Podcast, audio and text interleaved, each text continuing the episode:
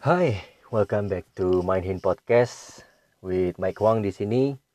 So, hari ini saya mau sharing tentang konsep rezeki, teman-teman. Nah, banyak orang ketika saya tanya-tanya, menurutmu rezeki itu apa sih?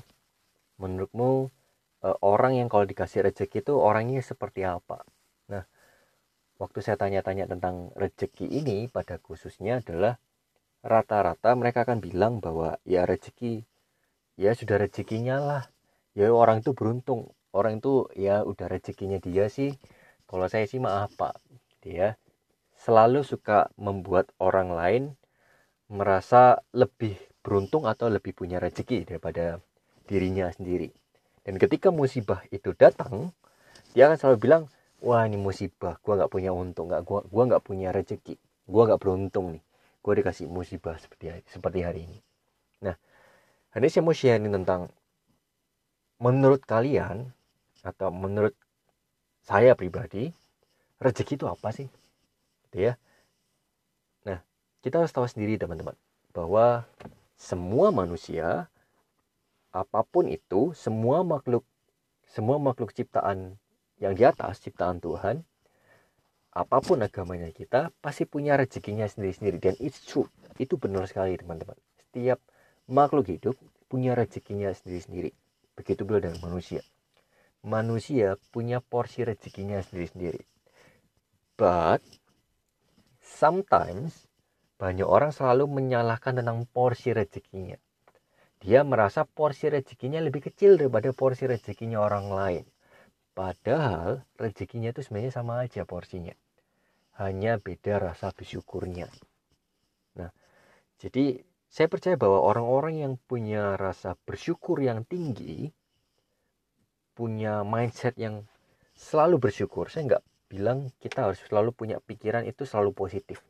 Saya nggak mau bilang kalau kita harus selalu punya pikiran harus uh, bisa negatif, nggak boleh negatif. No, no.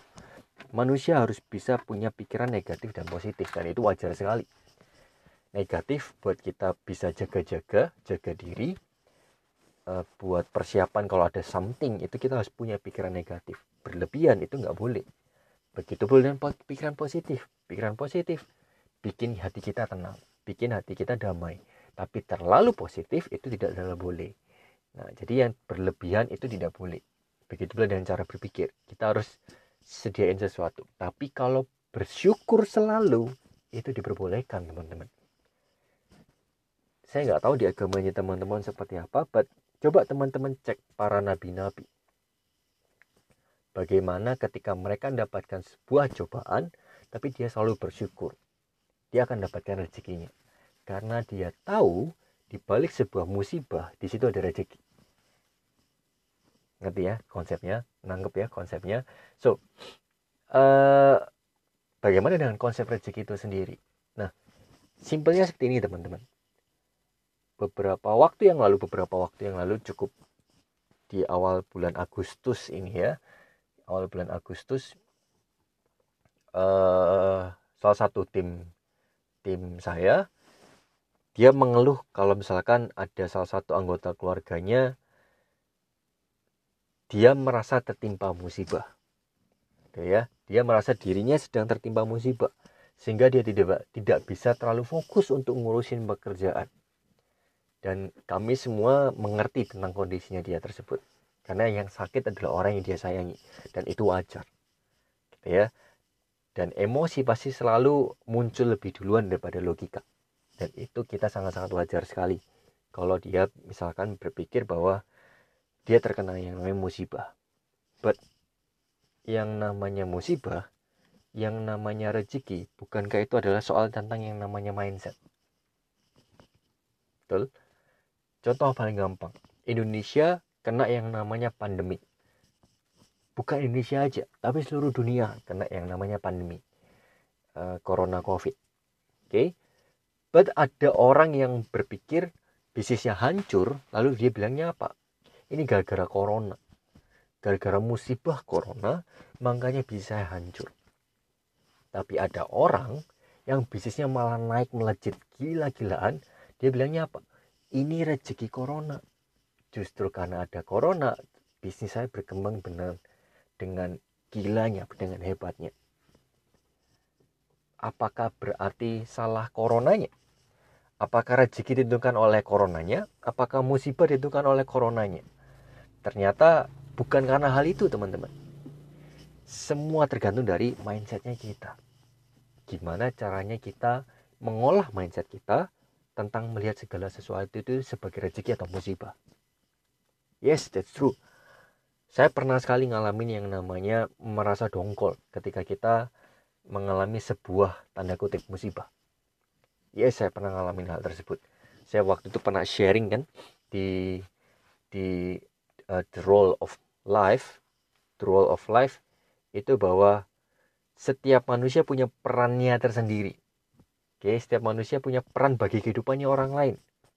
Mungkin orang lain belum merasakan yang kita rasakan sekarang. Tapi someday ketika orang lain merasakan sesuatu itu kita bisa bercerita dan kita bisa menjadi uh, pengarah kehidupannya dia. Betul ya?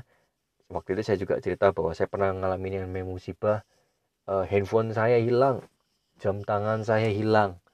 Kemudian segala macam saya datang saya pernah sekali waktu saya posisi masih uh, sebagai seorang penjual sales saya datang ke lokasi kemudian hujan-hujanan naik sepeda motor waktu itu zamannya masih anak kuliahan uang pas-pasan di dompet juga pas-pasan di ATM juga pas-pasan datang ke rumah temen yang sudah janjian hari itu eh, sore-sore gitu ya hujan deras saya nggak bawa jas hujan posisinya waktu itu dan akhirnya sampai di tempat lokasi malah orangnya nggak ada. So apa yang anda pikirkan waktu itu? Banyak orang bilang ah ini musibah. Ini bukan jodoh saya mungkin. Ini mungkin uh, bukan jodoh saya mungkin bisnis seperti ini. Ini mungkin ini ujiannya terlalu berat buat saya dari Tuhan. Saya nggak cocok mungkin suruh menjalankan bisnis bisnis uh, seperti sales seperti saya nggak cocok. Sepertinya saya nggak cocok seperti jualan. Mungkin teman-teman akan berpikir seperti itu tapi beberapa orang akan berpikir wah thanks God. Justru karena ada kejadian ini saya akhirnya banyak berpikir dan banyak bersyukur. Untung ada kejadian ini. Akhirnya saya belajar tentang bagaimana caranya uh, memanage waktu. Gimana caranya kontak first di awal untuk scheduling seperti apa confirming seperti apa satu jam sebelumnya seperti apa. Kemudian pentingnya persiapan walaupun saya naik motor saya juga harus persiapan kondisi apa pun saya sudah persiapan entah hujan entah panas entah banjir saya sudah harus persiapan jangan serang pangan Kemudian saya belajar tentang artinya bersyukur.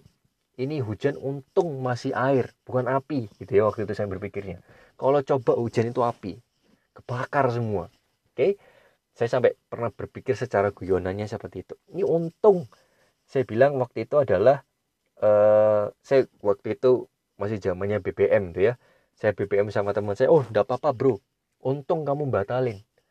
Saya cuma berpikir satu, untung dibatalin. Kenapa kalau saya bilang bisa untung?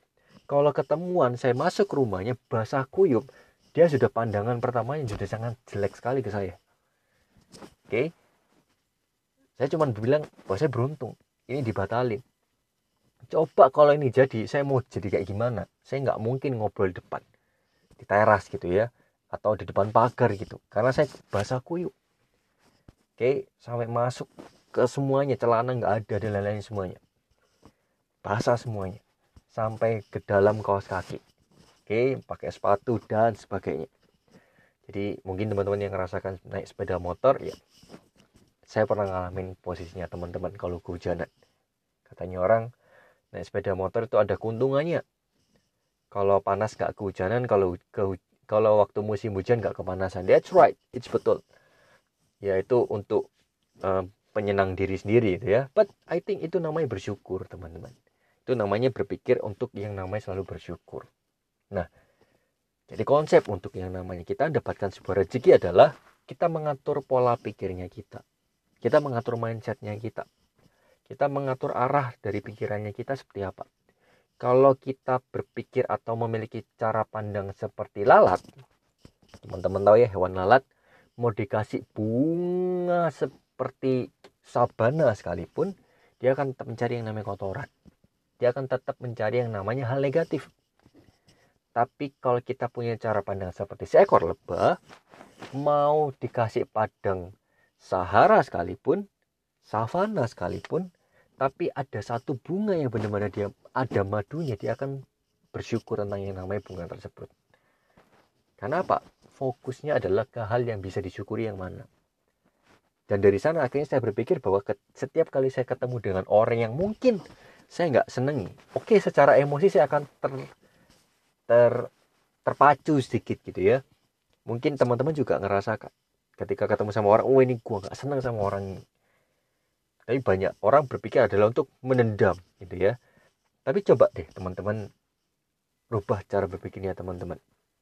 Untuk coba tanya ke dirinya teman-teman bahwa apa sih yang saya bisa lihat dari orang ini yang sisi positifnya apa? Lihat sisi yang kita bisa syukuri yang mana? Dengan begitu, kita akan bisa menghargai orang lain.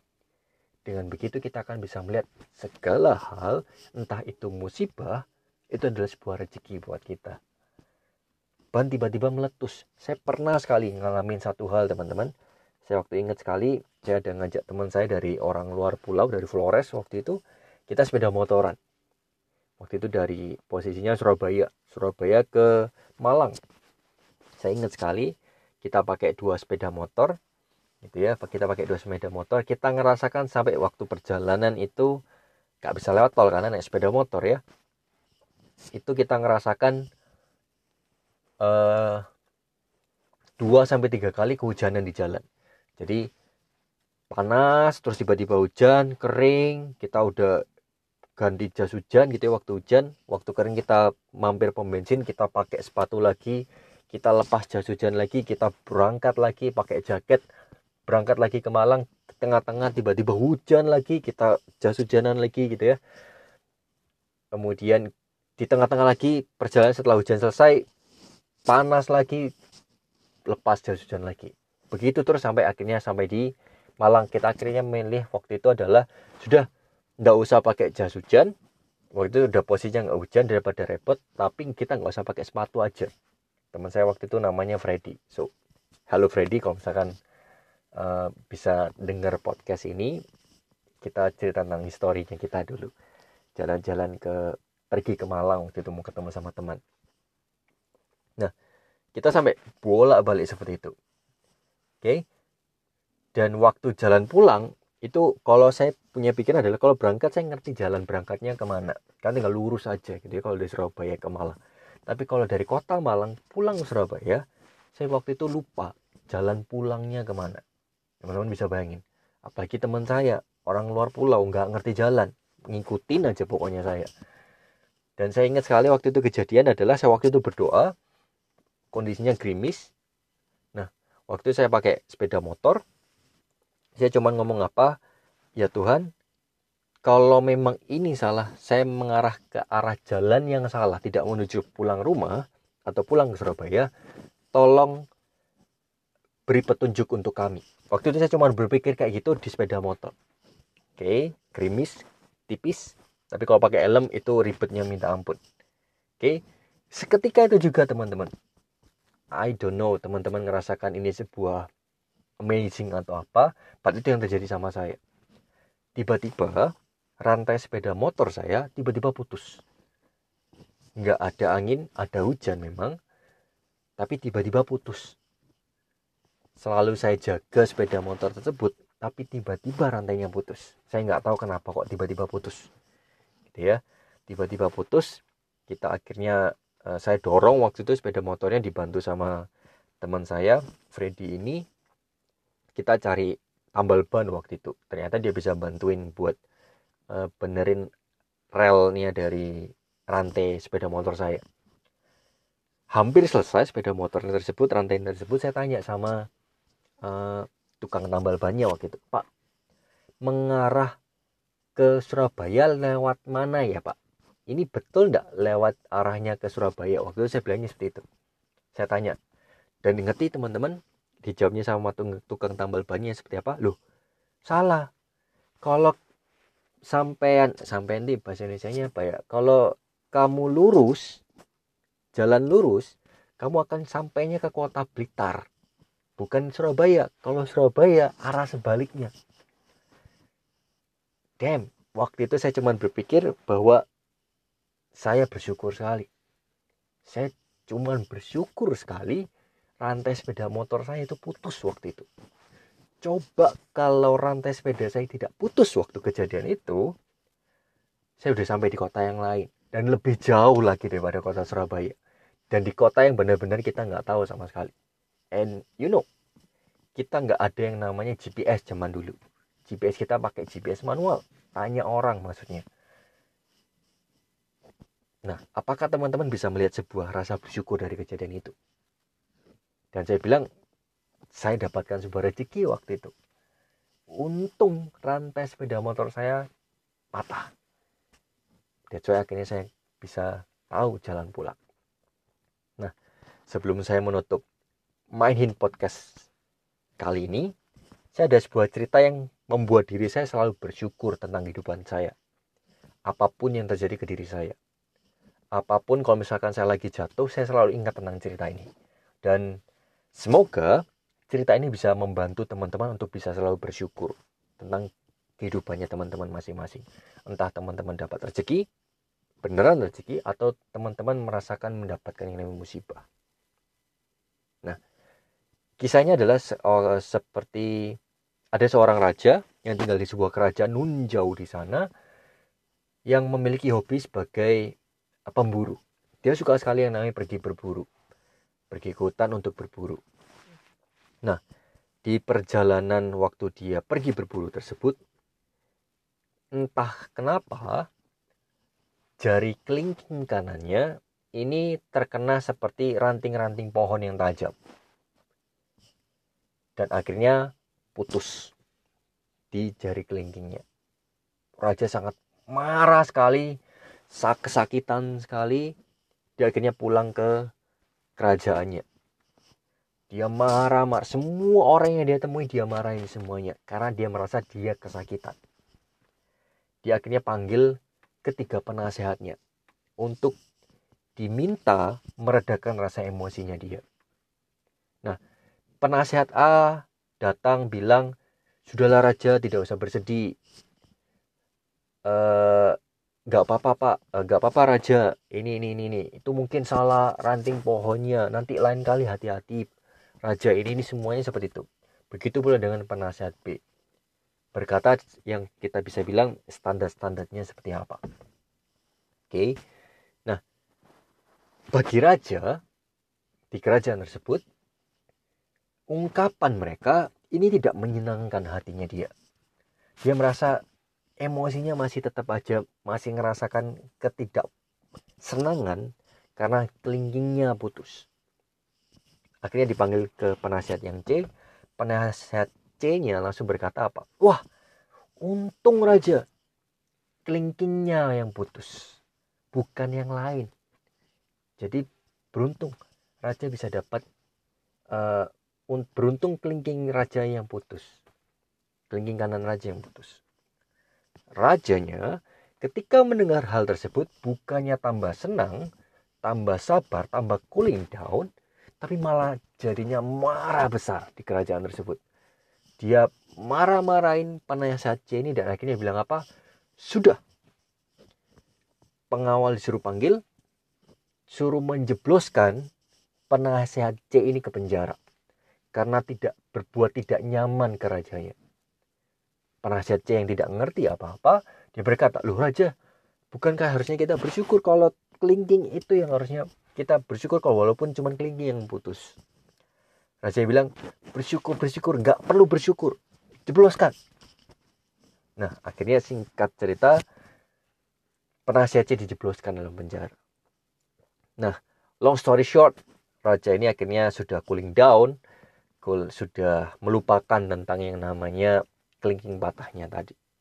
Dia akhirnya ingin kembali merasakan menyalurkan hobinya lagi yaitu berburu ke hutan.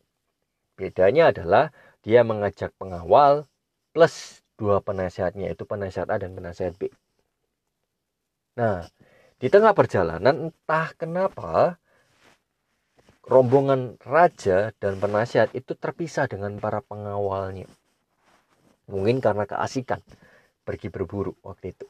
Nah, di tengah-tengah perjalanan, raja dan dua penasehatnya itu ternyata ditangkap sama suku asli di hutan tersebut. Dan kabar buruknya, suku tersebut adalah suku yang kanibal atau pemakan sesama. Oke. Rajanya diikat, penasehatnya diikat, semuanya diikat, dibawa ke uh, kepala sukunya. Nah, kepala sukunya bilang apa? Oke, telanjangi semuanya, kita harus cek terlebih dahulu. Akhirnya pasukan-pasukan ini karena sudah lapar sekali, begitu cepat melucuti dua penasehat tersebut, tersebut penasehat A dan penasehat B plus raja tadi. Nah, para pengawal dari suku tersebut terkaget-kaget. Why? Kepala sukunya dipanggil, kepala suku, kepala suku. Yang dua penasihat tadi ini sempurna sekali. Tapi yang satunya, dan itu adalah raja, itu ditemukan bahwa kelingkingnya tidak ada. Bagaimana menurut kepala suku? Kepala sukunya akhirnya bilang apa? Jangan, kita tidak boleh makan orang ini. Karena apa? Karena dia ini cacat produksi. Oke, dia sampai dibilangin cacat produksi. Kalau kita makan ini kita akan kena yang namanya musibah. Sudah, lepaskan aja orang ini, kita cukup makan dua orang ini aja. Akhirnya singkat cerita raja ini lari lari dengan cepatnya balik ke kerajaannya. Dan dua penasehat tadi sudah direbus dan dimakan oleh suku kanibalisme ini. Raja itu terengah-engah di kerajaannya bertemu lagi dengan para pengawal-pengawalnya dan akhirnya bilang wah syukur kelingking saya nggak ada. Ketika dia berpikir seperti itu dan berkata seperti itu rajanya langsung ingat sama penasihat C yang dia jebloskan di penjara. Lalu dipanggillah para pengawalnya untuk memanggil penasihat C. Penasihat C dikeluarkan dari penjara dan bertanya kepada sang raja ada apa sang raja? Memanggil hamba. Rajanya tersebut bercerita tentang kejadian yang hampir membunuh dia. Ketika mendengarkan hal tersebut, penasihat cek menangis minta ampun. Seperti merasakan kejadian itu juga. Sang raja kaget. Loh, kenapa kamu menangis? Kan kamu tidak ada di tempat tersebut. Penasihat C dengan sesenggukan dia berkata, Ya, Betul Raja, saya bersyukur dijebloskan dalam penjara. Duh, kenapa kok kamu bersiap bersyukur dijebloskan dalam penjara? Ya Raja, kalau saya tidak dijebloskan ke penjara sama Raja, mungkin saya juga akan direbus sama uh, kepala suku tadi atau sama suku Kalimbalisma tadi. Yes, hebatnya kekuatan bersyukur teman-teman. Dan cerita ini yang selalu saya pegang dari waktu saya pertama kali dengar cerita tersebut sampai sekarang pun saya tetap memegang cerita ini tadi. Apa pun yang terjadi, entah itu musibah, entah itu rezeki, saya akan anggap ini adalah rasa bersyukur yang diberikan yang di atas untuk kita semua. So, semoga Main Podcast kali ini bisa memberikan insight dan juga sebuah petunjuk pikiran buat teman-teman semua. Sampai jumpa di My Hit Podcast berikutnya. Saya Mike Huang. Salam gila.